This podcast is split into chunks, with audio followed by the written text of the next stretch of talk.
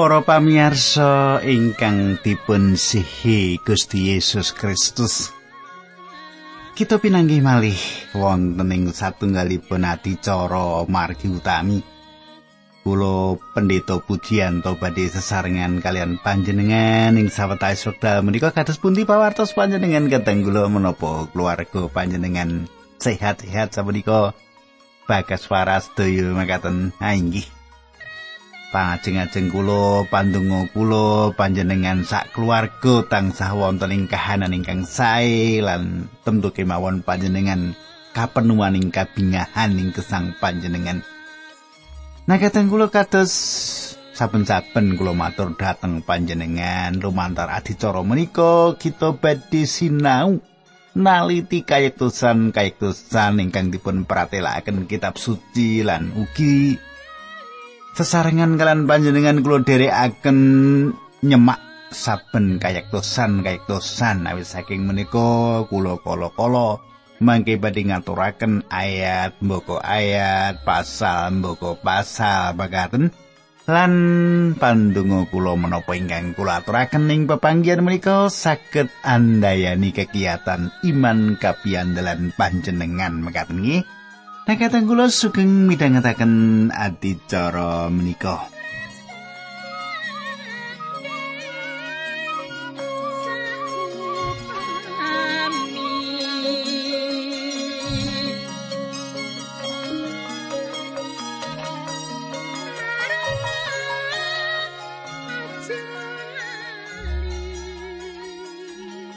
Kadang kula menapa panjenengan tasih kemutan? Menapa ingkang kula andharaken duk nalika kita pinanggih kepengker menika? Tasih kemutan panjenengan kadang kula? Tasih Pak. Nggih. Kudune ya isih kelingan. Mekaten nggih? Awit menapa? Awit kegiatan kita ngadepi cobaning jagat menika menawi kita menika gadah sang pangandikanipun Gusti wonten batin manah kita kita badhe sumindi dumateng Gusti, kita mangertos janji pangeran dumateng kita makaten nggih. Nah, kadang kula ing pepanggihan kepengker kita sampun nyemak kados pundi Daud angsal wawengan supados saged mejahi Saul nang sepindah malih Daud mboten mejahi. Nah, kadang kula kita badhe lajengaken menapa ingkang dipun pratelakaken ing kitab menika nanging saderengipun kula badhe ngaturaken salam rumiyin. Salam wah layang-layangi akeh banget nggih. Dumateng Ibu Satinem nggih Ibu Satinem saking Tambak Sari. Terus pundi Ibu? Sae-sae to. Ah, kula dering pinanggih panjenengan menika nanging kawula sampun nate sowan panjenengan nggih dusun panjenengan Tambak Sari menika nggih akeh tambake. Nah katanggulah, mugi-mugi Ibu Satinem sesarangan kalian kita nggih. Monggo kita tumunggul kita ndedonga rumiyin.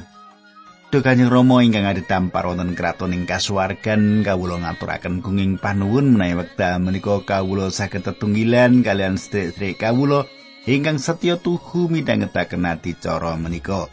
Kawula nyuwun Gusti berkahi, Gusti mitulungi, Gusti nuntuni supados menapa ingkang kawula pidhangetaken saking pangandikan menika andayani kegiatan kapiandelan kawula.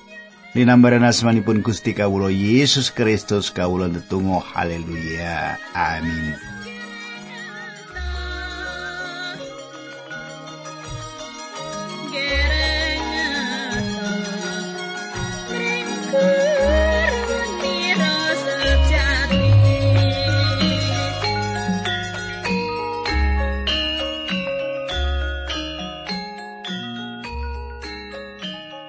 Para pamirsa ingkang kula tresnani, samenika pasinaon kita sampun lumebet ing setunggal Samuel 17 nggih. Samenika pasinaon kita sampun lumebet ing setunggal Samuel 17. Kula waosaken ayat setunggal rumiyin makaten suraosipun. Dawud mikir-mikir kepriye wae ing sawijining dina Saul bakal mateni aku. Dadi ora ana cara liya kanggone aku. Kajaba mung ngungsi menyang tanahe wong Filistia. Yen mengkono Saul bakal leren nggone goleki aku lan aku ya bakal tentrem. Kadang kula Menika cetha satunggalipun wiwitan ninggal saking tataran iman ingkang langkung inggil ingkang dados ciri saking gesangipun Daud. Ketingalipun saperangan ageng abdi Gusti Allah nglampahi mangsa kangilan ing salebetipun gesang. Kala-kala abdinipun Gusti Allah menika nglampahi wekdal kangilan wonten ing salebeting gesangipun. Saged ugi panjenengan wekdal menika saweg ngadepi masalah. Saged ugi panjenengan samenika wonten ing salebetipun kahanan ingkang peteng lan menika sampun antawis dangu. Panjenengan kathah pitakenan ing manah panjenengan menapa panjenengan saged ngawekani pepeteng menika? Kok peteng dedet lali ngene iki kepiye? iso ragu mentas saka pepeteng iki ketingalipun boten wonten cara kangge uwal ketingalipun boten wonten cara kangge uwal nah Daud sampun nglampahi lelampahan menika tebih saderengipun panjenengan lan kula nglampahi Inggih awis saking menika kenging menapa masalah ingkang dipun lampahi Daud saestu saged mitulungi kula ing salebetipun kula nglampahi gesang kekristenan kula dados patuladan. Daud menika dados patuladan kita. Eh, nek saiki ana pepeteng pepeteng pepeteng pepeteng kaya-kaya ora iso uwa, eh, mestine saking pepeteng menika wonten pepadang. Sing saged mbingahaken, sing saged marakaken manah marem lek Go iya ya. Kasunyatane aku ora ditegaki karo Gusti Allah. Panjenengan saged ngaturaken paseksi dumateng Gusti. Nah, ini apa penting kayak kita. Nah, sak menika kita lajengaken ayat loro nganti ayat 6 nggih. Basa pedinan nggih. Kitab suci kula basa pedinan supaya gampang dingerti nggih. Dawud lan prajurite banjur inggal-inggal lunga marani Akis anake Maoh raja ing kutha Gad. Dawud banjur manggon ingkat bebarengan karo Brayat lan para prajurite. Dawud uga nggawa bojone loro Ahinoam saka Israel lan Abigail randane Nabal saka Karmel. Bareng sal krungu yen wis ngungsi menyang banjur leren nggone goleki. Daud matur marang Akis menawi kula angsasih panjenengan. Mugi kersa maringi kita alit kinginga kula enggeni supados kula mboten mondok ing dalem panjenengan ing kita ageng menika. Akis banjur maringake kutha Siklak marang Daud. Mulane wiwit wektu kuwi Siklak dadi duweke para raja Yehuda. Kadang kula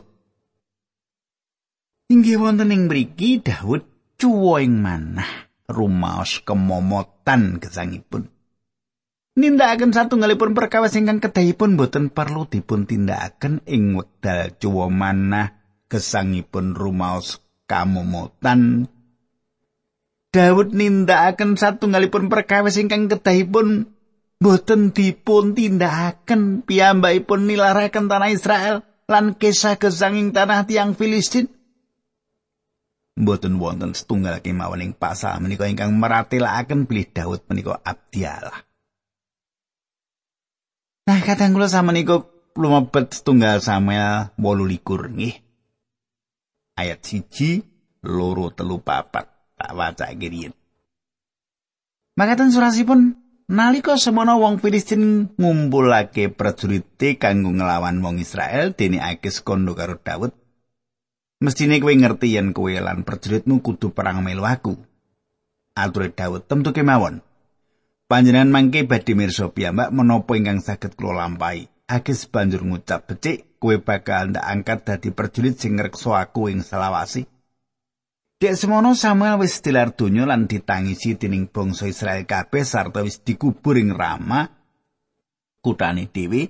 Ing wektu kuwi uga Saul wis nundung tukang ramalan dukun prewangan supaya lunga saka Israel. Bareng prajurit Filistin padha kumpul sarta padha ngetekake kemah ing sacedhake kutha Sunem, Saul uga ngumpulake wong-wong Israel lan padha pasang kemah ing Gunung Gilboa. Para pamirsa, Sepindah malih tiang Filistin nglempakaken prajuritipun kangge nyerang tiang Israel, Saul nglempakaken prajuritipun wonten ing Gilboa.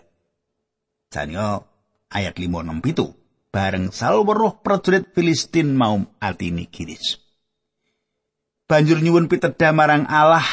Nanging Gusti Allah ora mangsuli iya ing sajroning impen utawa lantaran urim lan tumim sarta lantaran para nabi. Mulane Saul banjur kondo karo para kawulane golekno dukun prewangan wadon arep ndak temoni lan ndak jaluki pitutur. Wong-wong padha matur ing endor wonten dukun.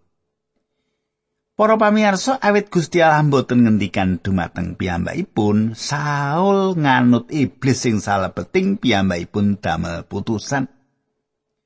Dukun ing endor saged ukira dados tukang apus-apus lan sepalih malih gadah pendamalan minangka tiyang ingkang mujara. Kita sawe gesang wonten ing salebetipun jaman ingkang kebak kamewahanan rame ing babagan agami, gitu. Salah satu ngalipun ingkang dipun teliti tiang-tiang ingkang pados perkawis ingkang ngurekaken inggih menika mujara modern utawi sihir kino. Mesti kemawon ingkang dados landesan ingkang kiat sanget ingkang gadai inggih menika tukang sihir saking Endor. Tiang-tiang kala wau sanjang dukun menika ngwangsulaken Samuel saking pejalan saged kegayutan kalian Saul. Menawi kados makaten perkawisipun menapa perkawis menika satunggal-tunggalipun perkawis sing salebetipun kitab suci. Para pamirsa, kitab suci ngipati-pati patra pedukunan menika utawi sihir menika. Ing pangandaring Torat 18 ayat 9 ngantos 14 meratelaken. yen kowe manggon ing tanah sing diparingake dening pangeran Allahmu kowe aja niru penggawe-penggawe nista sing dilakoni dening wong kafir sing ana ing kono aja ngurbanake anak-anakmu ana ing mesbehmu ing antarane bangsamu ora kena ana sing dadi tukang ramal juru tenung dukun sing migunakake petungan tukang sihir utawa prewangan sing takon karo roh wong mati Wong sing padha nglakoni penggawe ala mau disengiti dening pangeran Allahmu, mula wong-wong mau ditundungi saka ing ngarepmu. Mulane kowe padha ngabekti marang pangeran Allahmu kanthi mantep. Sawise kuwi Musa banjur kondo ing tanah sing arep kok nggoni wong-wong padha nuruti pituduhe dukun lan juru petung. Nanging pangeran Allahmu ora marangake kowe nglakoni kaya mengkono. Para pamirsa kita saweg gesang ing satunggalipun jaman ing pundi wonten kathah perkawis gegayutan lan patrap ingkang inggal dipun sebataken menika.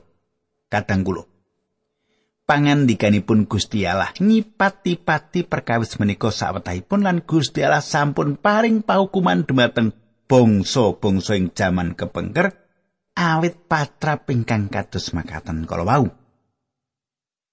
Panjenenganipun malah nundung umat kagunganipun piyambak medal saking tanah menika awet umatipun menika ngungkuraken panjenenganipun lan nindakaken patra pingkang jemberi menika. Kitab suci ngimutaken kita kegiatan ingkang tasih dipun tindakaken ngantos jaman sak menika. Kitab suci ngimutaken kita kegayutan bebayanipun. Panjenengan saged cemak ing salebetipun carios Lazarus tiang ngemis lan tiang sugih Lukas 16 ayat 19 ngantos 3 dosa tunggal ingkang meratelaken bilih tiang sugih menika dipun larang wangsul ing jagat dipun tiang gesang. Dumateng tiang sugih kalau dipun ngendikani bilih piyambakipun boten kenging nindakaken perkawis menika. Paulus nate dipun tuntun dateng swarga lan boten kenging sanjang menapa ingkang boten kenging dipun pirengaken manungsa piyambakipun boten kenging sanjang menapa ingkang sampun dipun tingali. Panjenengan saged maos tunggal Korinta kalih welas ayat kalih ngantos kawan.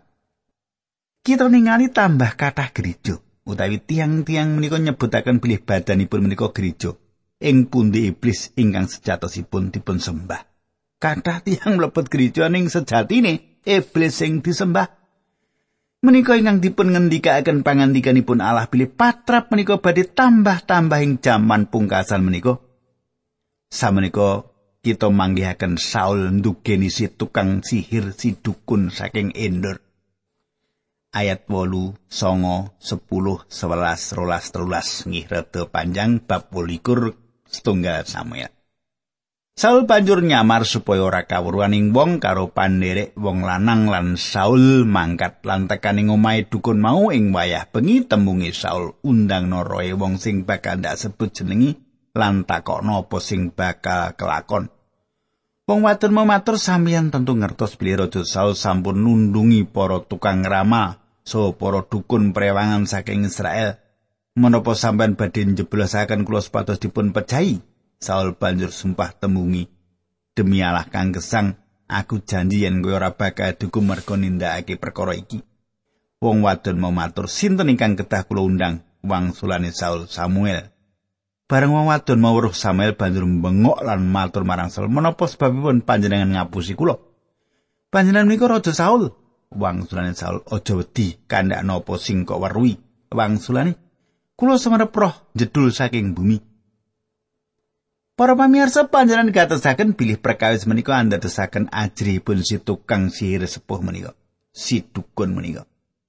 Si dukun menika ningali titah ingkang ngidapi-dapi medal saking salebetipun Siti. ayat 18 pitakone Saul kepriye rupani aturi tiang jaler sampun sepuh jedul ngangge jubah Saul banjur ngerti yen iku Samuel sarta banjur sujud ngurmati nabi kuwi para pamirsa menawi panjenengan maos menapa ingkang kapratelaken kanthi teliti? Panjenengan badhe mangertos bilih Saul mboten ningali Samuel. Nggih Saul mboten ningali Samuel. Dukun menika ingkang sanjang bilih piyambakipun ningali tiang jaler sepuh ngangge jubah. Mesti kemawon tiang-tiang gadah tangkepan bilih ingkang dipun tingali menika Samuel. Saul sampun mbikak badanipun dumateng iblis lan iblis mlebet kateng kula. Ayat kang 11. Sebanjuri Samuel kondo marang Saul yo gene aku kok ganggu. Yo gene kowe ngundang aku mrene. pangucape Saul. Kulo bingung sangat sebab dipun serang dening tiang Filistin monggo Gusti Allah sampun nilar kulo. Kulo mboten dipun pangandikani malih inggih lantaran para nabi mengkaten ugi srana impen. Mila kulo nyuwun dateng Bapak kersa ngendika menapa ingkang kedah kulo lampahi. Kadang kulo Saul sampun dipun tilar Gusti Allah lan piyambakipun saestu ajring ngadepi prajurit Filistin ingkang tambah caket. Ayat 16 ngantos 19 tembungi Samuel. Apa perune kowe ngundang aku mongko Allah wis nilar kowe sarta dadi mungsuhmu? Allah wis ndawi kowe kaya sing wis didhawuhake lantaran aku Allah wis mundhut tanah Israel saka tanganmu lan maringake marang Daud. Kowe wis nglawan dawuh Gusti Allah lan ora numpes wong Amalek sarta bandani kabeh ya kuwi sebabe saiki kowe dipatrapi kaya mengkono dening Allah. Allah bakal masrahake kewilan bangsa Israel marang wong Filistin sesuk kewilan para anakmu bakal kumpul karo aku malah perjut Israel kabeh bakal dipasrahke marang Filistin dening Allah para pamirsa Saul mboten pikantuk keterangan inggal. Samuel saderengipun pecah sampun meratelaken Saul badhe nglampahi pecah dipun sirnakaken lan dipun tampik Mesti kemawon Saul mboten pikantuk panglipuran utawi keterangan inggal anginipun lumampah naliti ing alam roh. Menika satunggalipun kayektosan ingkang sampun kabukti. Roh menika mboten meratelaken satunggalipun perkawis ingkang inggal. Saestu cetha bilih pratela si dukun saking indur Gusti Allah mboten wonten ing mriku. Gusti Allah mboten badhe nimbali Samuel saking kuburipun Saul meratelaken kadi cetha bilih Gusti Allah mboten kersa ngandikan dumateng piyambakipun. Menapa iblis saged ngundang Samuel wangsul? Malah inggih menika pitakenanipun. Apa iblis iso ngundang Samuel? Ing salebetipun kitab suci kita perlu mangertos bilih namung Sang Kristus ingkang nanti gegayutan kalian tiang pecah. Namung panjenenganipun kemawon ingkang saged rembakan kalian tiang pecah. Sang Kristus kemawon liyane ora. Para pamirsa. Saul sampun dipun tilar Gusti Allah. Sauger wonten kekayutan kalian piyambakipun, swarga mboten wonten suwantenipun. Lan Saul ngalih dateng neraka. Samenika menapa sampeyan ngetingalaken badanipun dumateng Saul? Sawetawis keterangan sampun dipun tawakaken wonten saperangan tiang ingkang meratelaken bilih menika satunggalipun patrap apus-apus. Ngapusi. Tiang-tiang menika mboten pitados babar pindah perkawis menika minangka satunggalipun kayektosan. Tiang-tiang kala wau sanjang bilih si dukun menika ingkang ngatur tontonan menika. Kula gagas tukang tenung menika ugi tukang apus-apus. Nanging awit piyambakipun ajri kados dene Saul atas menapa ingkang dumados kita mboten saged ngremehaken sawetahipun perkawis ingkang mboten saged kenalar menika. Nggih panjenengane ndukun ora ya ora ngerti. Eh niki anu panjenengan kenging tenung. Gitu saking sinten Mbah is mboten sah ngerti jenengan sing penting kan waras mboten saniki lho sakniki lagi kula usahake supaya tenung niku gitu Kala-kala kan mengatakan, jenengan lahirnya tanggal piro? Waduh, niki ra, lan niki ini pengapesan panjenengan tetep mriki nih ya, ora iso iki. Nah, pripun bahasanane anu ya cekok golong walu kira lombok telu gitu. Ngaten nggih, nek panjenengan nate tidak dikodo ya. Wong dadi wong percaya aja ngono-ngono kuwi percaya karo Gusti Yesus wae nggih. Nah, para pamirsa, kula pitados bilih menapa ingkang dumados ing indur satunggalipun perkawis ingkang boten saged kenalar, nanging kula boten pitados Gusti Allah gadah sesambetan ing mriku. Mesti kemawon wonten satunggal keterangan sanes kangge menapa ingkang dumados lan bilih panci dados pepinginan tiang ingkang kinasih supados saged sesambetan kalian tiang-tiang ingkang sampun grumini kita lersto. Wonten ingkang sanjang pilih tukang tulung menika sejatosipun nuntun Samuel saking pati. Keterangan kados menika mboten mlebet nalaran mboten saged dipun pertanggungjawabaken kalian isi kitab suci. Ing salebetipun setunggal babat sedasa ayat 13. Tunggal babat sedasa ayat 13 dipun ngendikaken kaya mengkono sedane Sang Prabu Saul jalaran saka nggone ora setya marang penginan Yewah ora gondilan marang pangandikane Sang Yewah lan marga saka nggone wis mundut pitedah marang arwah Kateng kula Gusti Allah ngipati-pati menapa ingkang sampun dipun tindakaken Saul Para pamirsa wonten ingkang ginakaken setunggal Samuel 8 ayat 12 kangge mbuktekaken bilih Gusti Allah damel Samuel ketinggal malih.